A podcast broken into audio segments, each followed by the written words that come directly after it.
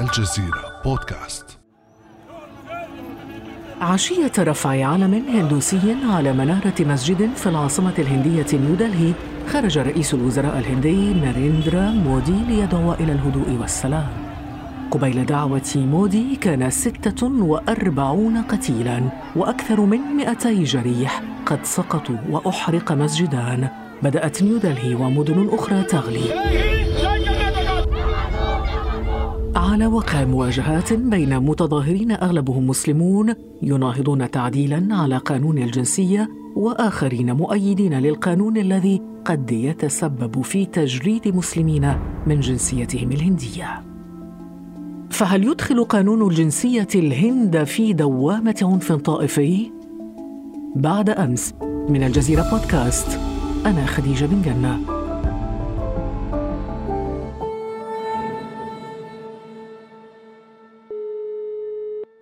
ضيف حلقتنا اليوم هو الدكتور محمد مكرم بلعاوي رئيس منتدى آسيا والشرق الأوسط. دكتور محمد أهلا وسهلا بك. أهلا بكم. دكتور بلعاوي بدأت الدماء تسيل إذا بسبب هذا القانون. كيف وصلنا إلى هذه النقطة؟ في الحقيقة أنه ما وصلنا إليه اليوم يسهل التنبؤ به منذ سنوات عديدة لأن التيار القومي الهندوسي سعى حثيثا منذ بداية القرن العشرين إلى الوصول إلى السلطة. استطاع في بداية التسعينيات الوصول إليها ثم وصل إليها بشكل مستقر في عام 2014 ثم مرة أخرى في بداية العام الماضي 2019 وهذا الحزب الذي يحكم اليوم ويمثل الجناح اليميني في السياسة الهندية ال BJP عنده أجندة واضحة مستمدة من عقيدة اسمها الهندوتفا وهي تنص على تحويل الهند إلى دولة هندوسية. وإخراج المسلمين أو أن يغيروا دينهم. ولذلك كان من المتوقع والحال هذه أن يلجأ إلى أساليب قانونية تدفع المسلمين إما إلى الهجرة أو إلى اعتناق الديانة الهندوسية أو على الأقل الثقافة الهندوسية. وهذا ليس سرا. عقيدة الهندوتفا وتحويل الهند إلى بلد هندوسية الهندو راشترا منصوص عليها في النظام الأساسي للحركة الهندوسية اليمينية RSS. فكان من المتوقع أن تصل الأمور إلى هذه الدرجة ولو بعد حين. إقرار هندوسية الدولة شيء حتى نقترب من فهم المشهد شيء يقترب من يهودية الدولة في إسرائيل يعني إقرار دولة يهودية لليهود هل هناك يعني ما يشبه هذا النموذج في النموذج الهندي؟ في الحقيقة هناك مفكرون كثر وصحفيون يشيرون دائما إلى العلاقة المميزة ما بين رئيس الوزراء ناريندرا مودي ورئيس الوزراء الإسرائيلي بنيامين نتنياهو ويزعمون بأنه الهند اليوم وعلى رأسها مودي تحاول أن تستلهم النموذج الصهيوني بتحويل الدولة إلى دولة يهودية والإبقاء على حالة ديمقراطية انتقائية يعني بحيث تكون الديمقراطية هي للهندوس فقط. فيكون هناك انتخابات ويكون هناك تداول للسلطة ولكن في نفس الوقت الذي يحكم ويسيطر هم الهندوس على غرار ما يحصل في إسرائيل طب هذا القانون دكتور أصبح أمر واقع؟ يعني يمكن التراجع عنه؟ القانون الذي يسمى NRC NRC معناه The National Register of Citizens أو يعني سجل الوطني للمواطنين. بمعنى أنه الهند تريد أن تتحقق من أصول كل مواطن هندي. وهذا صعب جدا في الهند لأنه الهند أساسا دولة ليست متقدمة كثير من الهنود ليس عندهم الوثائق المطلوبة. هم فقراء غالبيتهم يعيشون في الجبال في الأدغال مزارعين بسطاء إلى درجة إنه بعض الناقدين لهذا القانون يقول إنه على سبيل المثال قائد الجيش نفسه ما كانش عنده شهادة ميلاد ولذلك عملوا له تقدير سن. ينطبق على ذلك على كثير من مسؤولي الدولة. إذا قانون ال NRC اللي هو المفروض إنه يتحقق من أصول المواطنين سيؤدي في النهاية إلى أنه كثير من المواطنين الهنود لا يستطيعون إثبات أنهم مواطنون أصلانيون قبل 1972 وهذا يعني كثير منهم راح يفقد الجنسية ولذلك هم في البرلمان شرعوا قانون جديد سموه AAC والذي ينص على منح الجنسية لكل الأديان ما عدا المسلمين التي جاءت من البلدان المحيطة. يعني يزعمون بأن هناك اضطهاد ديني في البلدان المحيطة وبالتالي يمكن منح هذه الجنسية للمهاجرين. أما في حقيقة الأمر كما يزعم المسلمون هناك بأن هذا القانون اللي هو ال AAC هو جاء من أجل تلافي الأضرار الجانبية اللي ممكن يتسبب فيها قانون ال NRC يعني ينزع الجنسية من جهة من غير المسلمين ويعطيهم باليد الأخرى. أما إذا نزعت من المسلمين فخلص يفقدوها على طول. ولذلك هم شعروا إنه هذا القانون بيستهدفهم. والأمر ليس مجرد هواجس لأنه يعني إذا نظرنا إلى تمثيلهم في البرلمان 4.5% فقط. يعني هم 15% وفق الإحصاءات الرسمية. تمثيلهم في البرلمان 4.5% طيب إذا كانوا فقط دكتور 15%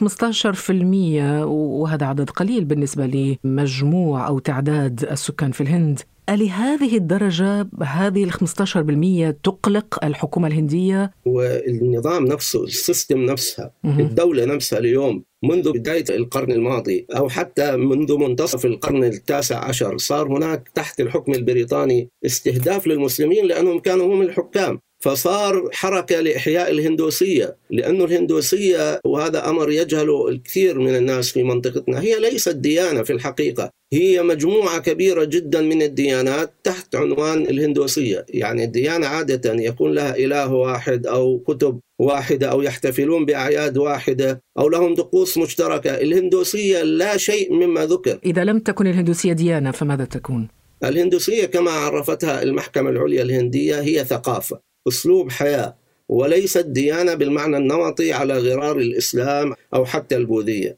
لذلك خطورة المسلمين إن هم أكبر كتلة سكانية متجانسة. نعم ولكنها كتلة متجانسة صلبة ولكن ليست كتلة فاعلة على المستوى السياسي في السياسة الهندية. ومن هنا جاء يعني السؤال أنه ما الذي يجعل أو يؤجج هذا العداء تجاه المسلمين؟ وهم غير فاعلين في المشهد السياسي الهندي. الآن إحنا من بداية القرن العشرين أو من منتصف القرن التاسع عشر ظهرت الحركات الهندوسية القومية والحركات اليمينية عادة تجمع الناس تحت مظلة الخوف التهديد. ولذلك هذه الحركة كان لابد لها من عدو. هناك مقولة منتشرة في الهند أنه الهندوس لم تستطع حتى الآلهة أن تجمعهم ولكن جمعهم أعدائهم للمسلمين سواء العدو الداخلي مسلمي الهند أو العدو الخارجي اللي هو باكستان هو الذي جمع الهندوس تحت مظلة واحدة. وهذا الذي حصل. ولذلك المسلمون اليوم هم مطلوبون عملة مطلوبة. يعني استهدافهم ليس مسألة مرتبطة بتهديدهم الحقيقي بقدر ما هو مطلوب أن يكونوا مادة يتوحد عليها الهندوس بالإضافة لأنه المسلمين تاريخيا دائما كانت نسبتهم أقل من باقي السكان وحكموا. ولذلك هذا الأمر دائما يستعاد. نقسم يمينا سندافع عن الدستور. وسنسقط التعديلات الدستورية. سلسلة بشرية هي الأطول من نوايا. قدرتها وسائل أعلام بسبعة ملايين إنسان. امتدوا على شوارع مدينة كيرلا الهندية رفضا لقانون الجنسية المثير للجدل. أياما بعد رفض المحكمة العليا الهندية إيقاف القانون المثير للجدل لم تفلح. أكثر من مئة طعن تقدمت بها أحزاب وشخصيات أمام المحكمة لم تفلح في إقناع الأخيرة بتأجيل القانون. فاستمرت الاحتجاجات دون بارقة أمل بتراجع الحكومة. دكتور محمد المحكمة العليا طالبت الحكومة بالرد على بعض الطعون بشأن دستورية القانون في غضون أربعة أسابيع فيما رفضت تأجيل تطبيق القانون كيف يمكن فهم هذا القرار؟ الهند هي دولة مؤسسات الهند هي أكبر ديمقراطية في العالم ولكن هذه الديمقراطية وهذه المؤسسات اليوم تتعرض لامتحان لأنه حركة ال RSS هي استطاعت أن تخترق كل مفاصل الدولة بما في ذلك القضاء ولذلك من الناحية الإجرائية هناك تقاضي لكن يجب أن ننظر أيضا إلى تاريخ القضاء الهندي. تاريخ القضاء الهندي يشير أنه في الأحداث الكبرى وفي المجازر اللي تعرضت لها الأقليات لم يدن سياسي واحد في هذه المحاكمات. صراحة هذا تحدي كبير وخصوصا إذا تذكرنا الحكم الصادر في قضية البابري مسجد التي تنظر في القضاء منذ حوالي يعني قرابة أظن 30 سنة أو 25 سنة نظرت في القضاء وفي الآخر كان الحكم حكم يعني غريب من نوعه لأنه اعتمد مبدأ التسوية وليس مبدأ الحقوق. ولذلك أعتقد أنه هذا تحدي كبير وسننتظر يعني حكم المحكمة في النهاية. ذكرنا التظاهر ربما أيضا اللجوء إلى القضاء. ما هي أبرز الخيارات المتاحة أمام المتظاهرين؟ أنا بظن أنه الخيارات اليوم أمام المتظاهرين خيارات محدودة للغاية. وهي واحد. استمرار التظاهر والضغط الشعبي على نعم. الحكومة وهو الأكثر فاعلية. اثنين. لكن يجب أن يكون زخمه كبير. اثنين التقاضي إلى المحكمة العليا والمحكمة الدستورية. ثلاث الذهاب إلى جهات دولية. أربعة وهو الأضعف أنه محاولة تشكيل تحالف حزبي أو حكومي سياسي لاستلام الحكم مرة أخرى وتغيير مسار القانون والدستور. هذه أبرز الخيارات. دكتور محمد بلعاوي لا تقتصر مناهضة القانون على المسلمين فقط. هناك كثيرون ربما يعتقدون أن هذا القانون يؤثر على علمانية الدولة الهندية. فما الذي يضيفه هذا الأمر إلى النضال ضد القانون برأيك؟ يجب أن ندرك بأنه المستهدف من كل ما يجري ليس المسلمون فقط. يعني غاندي اللي هو المهاتما غاندي تم اغتياله بعد ست أشهر فقط من الاستقلال لأنه دعا إلى دولة علمانية ديمقراطية. وكان الأصوليون الهندوس القوميون الهندوس يتهمونه بمحاباة المسلمين. الحقيقة أنه غاندي عندما نظر إلى تركيبة الهند وجدها بأنها بلد أقليات هناك. آلاف ربما مئات الآلاف من الأديان والأعراق والملل لا تستطيع أن تجمعها تحت مظلة دينية واحدة. ولذلك اليوم المستهدف هو ليس في الحقيقة المسلمين هو المستهدف هوية الهند كبلد ديمقراطية كبلد أقليات يتعايش فيها الجميع.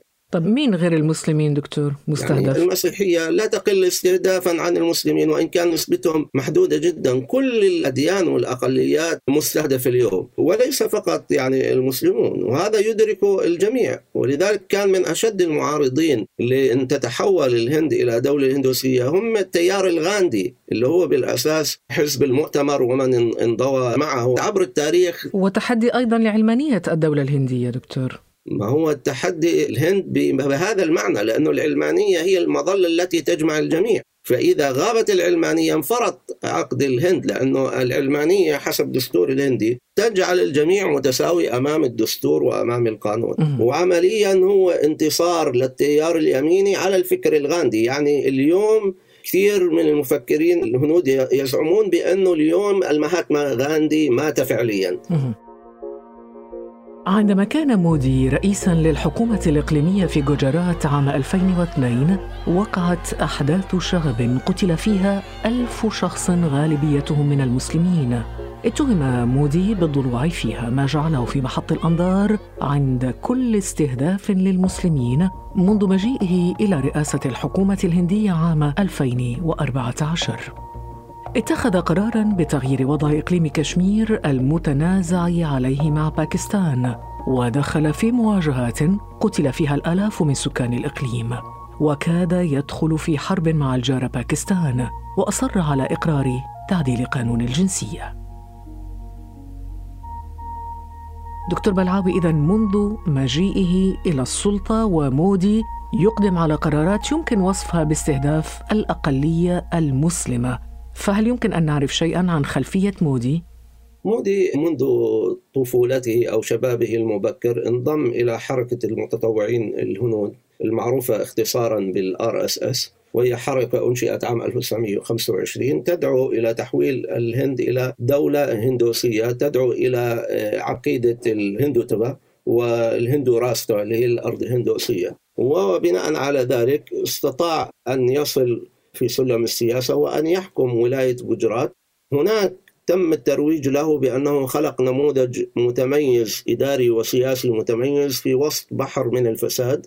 طبعا اللي ساعد على عمل هذه الهالة وإضفاء هذا القدر من الشعبية هي أدوات حركة ال RSS ونفوذها في الإعلام. وبناء على ذلك عندما جاءت الانتخابات قدموا حزب ال BJP وسط فشل حزب المؤتمر الهندي.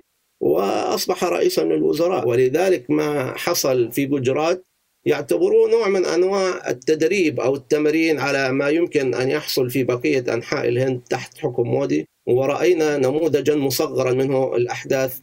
يعني هذا الاتجاه هل هو خيار لرئيس الحكومة أم هو عقيدة لحزب بهاراتيا جاناتا الحاكم؟ لا هو رئيس الوزراء يعكس هذه العقيدة المنتشرة في حركة ال RSS والحزب الذي أفرزته هو حزب ال BJP. ولذلك هو انعكاس لهذه العقيدة كما ذكرنا الأيديولوجيا. والناس كثير بيعتقدوا إنه بينفذ خارطة الطريق. يعني في خطوات هم الجماعة ماشيين فيها. والذراع التنفيذي هو أميت شاه اللي هو رئيس الحزب والرجل الثاني في الحزب ووزير الداخلية. ولكن هذه الديمقراطية الكبرى مستقبل التعايش فيها كيف يبدو على ضوء هذا القانون؟ يعني ما التداعيات التي يمكن أن يخلفها تطبيق هذا القانون على مستقبل التعايش في الهند؟ مستقبل التعايش على المحك. إذا كان هناك الآن مظاهرات بالملايين والأقليات والولايات أصبحت تشعر بالتهديد. يعني في اللحظة التي ألغى فيها مودي النص الدستوري في الحكم الذاتي في كشمير أصبحت كل الولايات في مدى نيران الحكومة المركزية لأنه هذه الولايات سابقا بالمناسبة أيام الاستعمار البريطاني كانت الهند مكونة من 580 إمارة تقريبا. 580 إمارة مع 580 حاكم كلها توحدت تحت عنوان الهند الحديثة وبالتالي هناك عقد. إذا كان الدستور لا يكفل هذا التعاقد معنى ذلك أن الهند كل الولايات فيها مهددة وكل مستقبل الهند مهدد. إذا كان المسلمون أيضا مستهدفون بسبب دينهم معنى ذلك أنه الأقليات الأخرى وهي لا حصر لها يمكن في يوم من الأيام أن يأتي عليها الدور. إذا مستقبل التعايش بين هذه المكونات في خطر. بكل تأكيد وأعتقد أنه ما نرى اليوم هو عبارة عن نموذج صغير فيما لو لم تغير الحكومة المركزية سياساتها أو لم تستطع القوى المعارضة لها أن تجبرها على تغيير هذه السياسات. شكرا جزيلا لك دكتور محمد مكرم بلعاوي على هذه الإضاءة المفيدة جدا في موضوع الأحداث الجارية في الهند، شكرا لك. شكرا لك. دخل القانون المثير للجدل حيز التنفيذ منذ العاشر من يناير كانون الثاني الماضي لتتصاعد موجة الاحتجاجات التي أثارها وتتحول جزئيا إلى أعمال عنف طائفي دون أي بوادر لتراجع الحكومة عن تطبيق القانون ما ينذر بمزيد من الاحتقان في بلد متعدد الديانات والأعراق فهل يجر القانون هذا البلد إلى اضطرابات أوسع؟ كان هذا بعد أمس.